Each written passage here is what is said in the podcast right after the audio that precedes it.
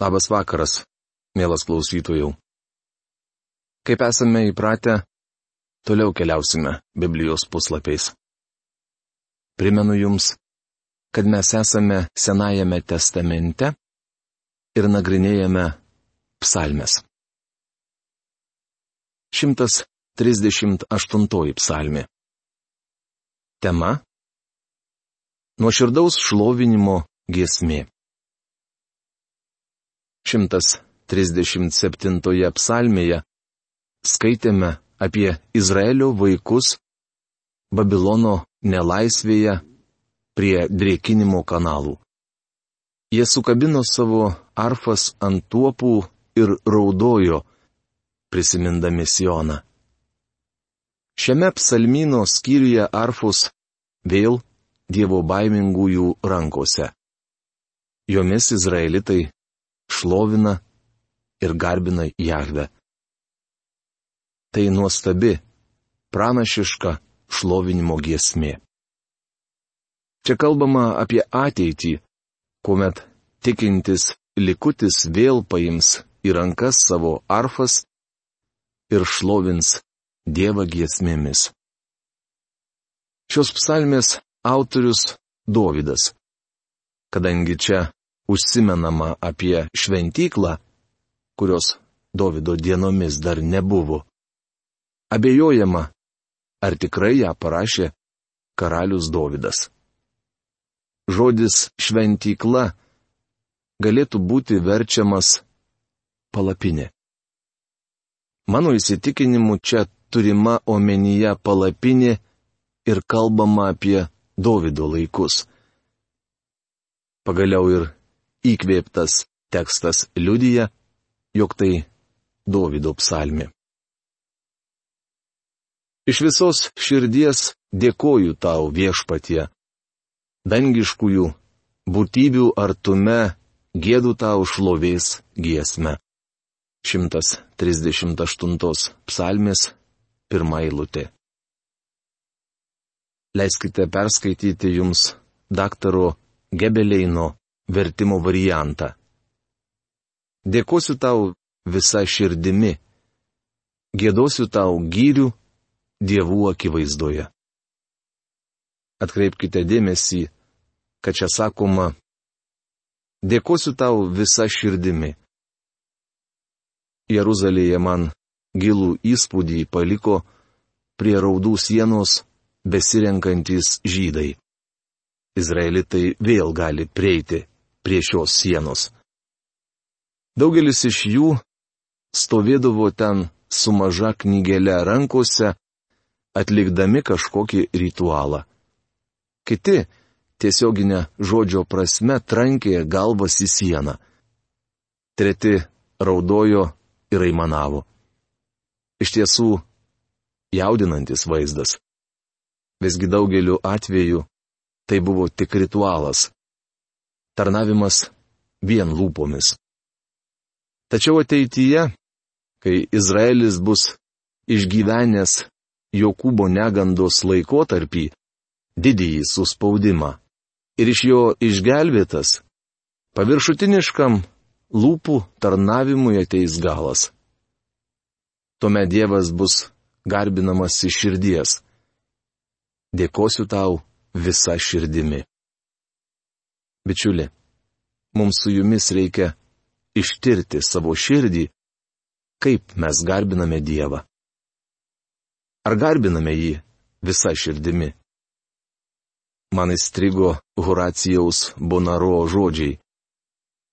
Kalbėdamas apie tai, kaip jis atgailavo prieš Dievą dėl savo šaltumo, abejingumo ir nuodėmis, šis vyras sakė, po viso to grįžau pas Dievą ir atgailavau dėl savo atgailos.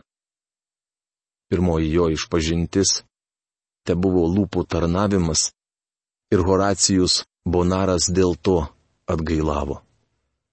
Manau, kai kuriems iš mūsų pirmadienio rytą reikėtų atgailauti už tai, kad sekmadienį ėjome į bažnyčią. Turėtume melstis.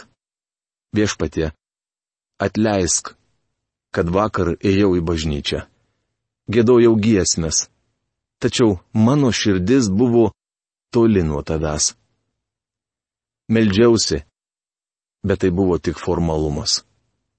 Klausiausi Dievo žodžio, tačiau jis manęs niekiek nepaveikė. Kritikavau pastorių ir kitus susirinkusiuosius, bet nekritikavau savęs.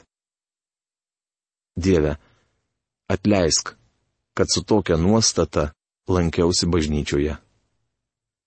Mėlyjei, taip melstis vertėtų daugeliu iš mūsų. Gėdosiu tau gyrių dievų akivaizdoje. Liuteris ir Kalvinas aiškino, jog dievai yra Dievo angelai. Tačiau aš taip nemanau. Kiti galvoja, kad psalmininkas kalba apie stabus, kuriuos buvo ėmę garbinti izraelitai. Gali būti. Tačiau bet kas, kas jūsų gyvenime užima Dievo vietą arba atsistoja tarp jūsų ir Dievo, yra jūsų Dievas. Žodį Dievas mes jau buvome sutikę 82 psalmis šeštoje eilutėje. Ten jis siejamas su teisėjais, užimančiais Dievo vietą, kurie yra jo atstovai žemėje. Aš visuomet stengiausi nepamiršti, kad kaip mokytojas, pamokslininkas ir Dievo žodžio tarnautojas esu atsakingas prieš Dievą. Vieną dieną turėsiu duoti jam ataskaitą, nes mano darbas - aiškiai perteikti Evangeliją. Jei Evangelijos neskelbs tie, kurie pažįsta viešpatį, tai kas tai darys? Žvelgdamas į savo atitarnautus metus matau daug klaidų ir dėl daug ko gailiuosi. Tačiau vieną dieną galėsiu pažvelgti Dievui į veidą ir pasakyti. Viešpatie, skelbiau tavo žodį geriausiai, kaip tik galėjau. Tai didelė pagoda. Mat aš esu jo patikėtinis žemėje. Kaip matot, sakydamas gėdosiu tau gyrių dievų akivaizdoje, Davidas galėjo turėti omenyje ir vieną, ir kitą. Mes negalime būti visiškai tikri, ką tiksliai jis norėjo tuo pasakyti. Puolų kniupšęs prie tavo šventyklos, dėkoju tavo šventajam vardui už tavo gerumą ir ištikimybę, nes išaukštinai virš visų savo vardą ir pažadą. 138 psalmės antra eilutė. Eilutės pabaiga geriau būtų versti taip. Išaukštinai savo pažadą pagal savo vardą. Kitaip tariant, Dievo žodis geras kaip pats Dievas.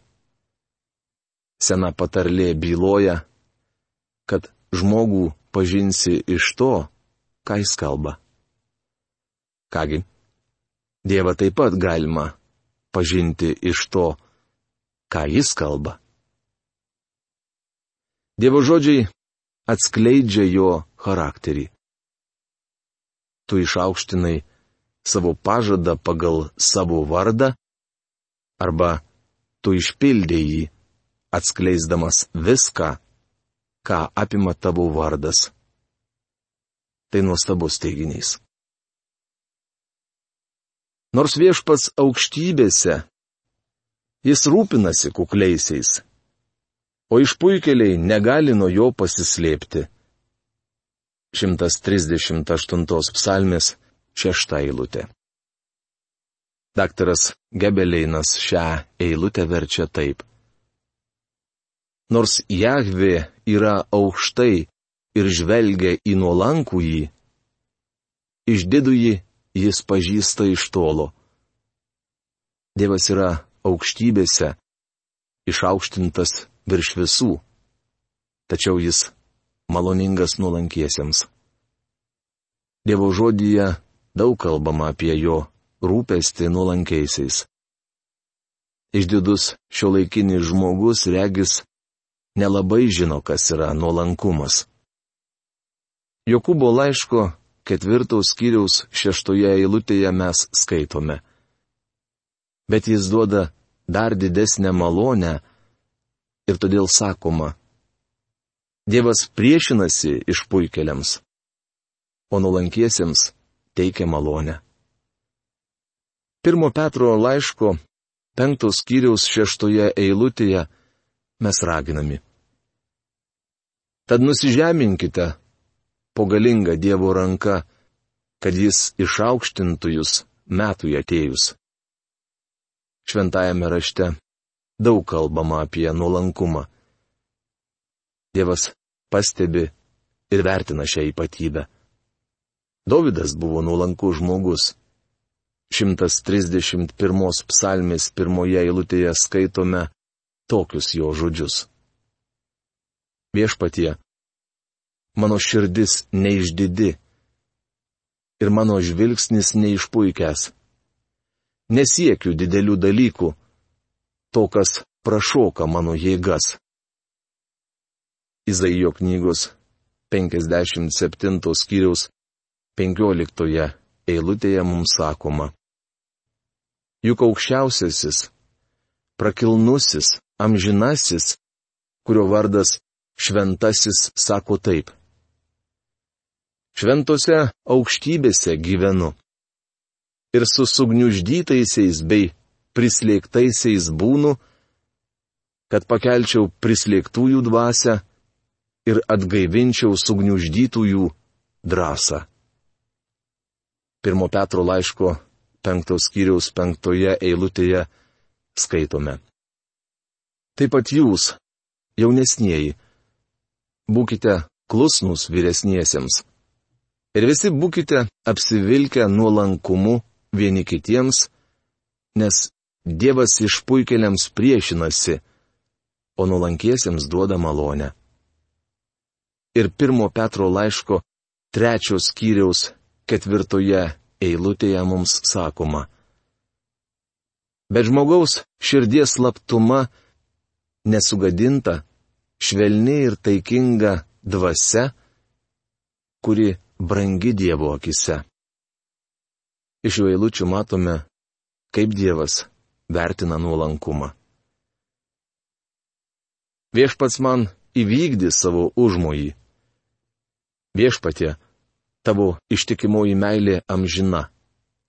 Net mesk savo rankų darbo. 138 psalmės 8 eilutė. Ši psalmės ištrauka turi savo atitikmenį Naujajame testamente. Esu tikras, kad tas, kuris jumise pradėjo šį gerą darbą, jį ir užbaigs iki Kristaus Jėzaus dienos. Rašoma Filipiečiams laiško pirmos skyriaus šeštoje eilutėje. 139 psalmi. Tema. Gesmė, kurioje šlovinamos Dievo savybės. Šios psalmės pantraštėje skaitome. Choro vadovui Davido psalmi. Tai teologinė psalmi, kurioje atskleidžiamos tam tikrus Dievo savybės susijusios su jo kūrinyje. Šiame psalmino skyriuje dar kartą pabrėžiama, kad Dievas yra visažinis, visur esantis ir visagalis. Dievas gali padaryti viską. Kartais užduodamas kvailas klausimas. Ar Dievas gali padaryti tokį didelį akmenį, kad negalėtų jo pakelti? Atsakymas paprastas. Dievas niekada nedaro kvailyščių. Šioje psalmėje išgirsime atsakymą į kelis aktualius klausimus. Taigi apie Dievo visažiniškumą. Viešpatie, ištyrėjai mane ir pažįsti. 139 psalmės pirmą eilutę. Dievas pažįsta jūs ir mane. Mūsų viešpats - puikus psichologas. Jei jūs kamuoja kokia nors problema, jums nebūtina eiti pas psichiatrą ir viską jam papasakoti. Kodėl jums nesikreipus į viešpatį Jėzų Kristų ir neišsipasakojus jam? Galite kloti jam viską nesidrovėdami, nes jis ir taip viską žino.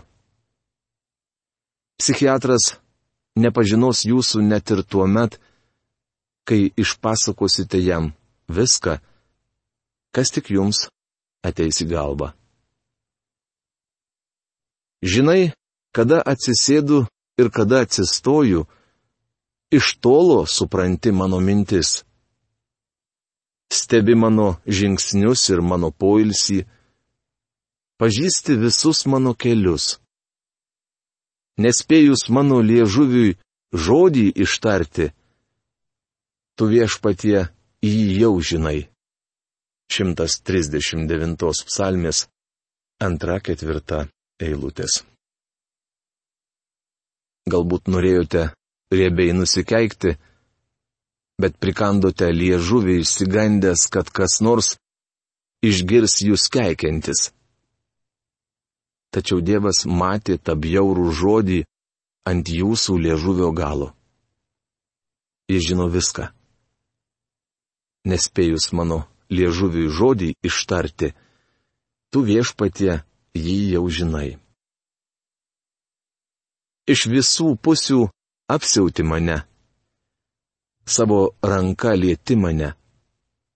Tavo pažinimas man per nuostabus, per gilus. Aš negaliu jo pasiekti. 139 psalmis, 5-6 eilutės. Galbūt klausėte, kaip tai įmanoma? Nežinau. Psalmininkas sako, kad ir jis to nesuvokia. Tavo pažinimas man per nuostabus, per gilus, aš negaliu jo pasiekti. Iš tikrųjų, Dievo visažiniškumas neturėtų kelti baimės. Tai pagoda. Nors jis puikiai žinojo, koks aš iš tikrųjų, vis tiek mane išgelbėjo. Štai kas nuostabiausia. Kartais atsitinka, kad žmonės, kuriuos jūs priemate ir gerbėte, ima ir nuvilia. Jūs manote, kad juos pažįstate. Bet iš tikrųjų nepažinojote. Dievas pažįsta mus ir visgi yra pasirengęs mus išgelbėti. Koks jis nuostabus. Dievas pažinojo Dovydą, kuris jis smarkiai nuvylė. Tačiau jis žinojo apie šio vyro tikėjimą tai, ko neižvelgėme mes. Dievas matė Dovido širdį. Po susviravusių tikėjimų slypėjo tikėjimas, kuris niekuomet nesvyravo. Viešpats žinojo, ką padarys Simonas Petras. Jis žinojo ir tai, kad Judas jį išduos. Nors mes to ir nesuvokiame, Dievas žino viską. Mielas klausytojų, šios dienos laidos laikas baigėsi. Galbūt mūsų laidoje išreikšti žodžiai išgazdino jūs. Bet jūs neturėtumėte baimintis. Juk tai Dievo žodis. Jisai aštrus, kaip dviešmenis kalavijas. Jisai prasiskverbia ten, kur negali užsukti jokio kito žmogaus akis. Jis pažįsta jūs. Dabar jūs sėdite ir klausote manęs o jis mato jūsų širdį. Tuo, ko užsiemusi jūsų galva, apie ką jūs mastote. Tai neturėtų bauginti mūsų. Tai turėtų sukelti troškimą palengti savo kelius prieš visagalį Dievą, pripažįstant, kad esame puolę kūriniai, kuriems reikalingas gelbėtojas. Šio žodžius sakau žmonėms, kurie dar niekada nedarė tokio žingsnio savo gyvenime.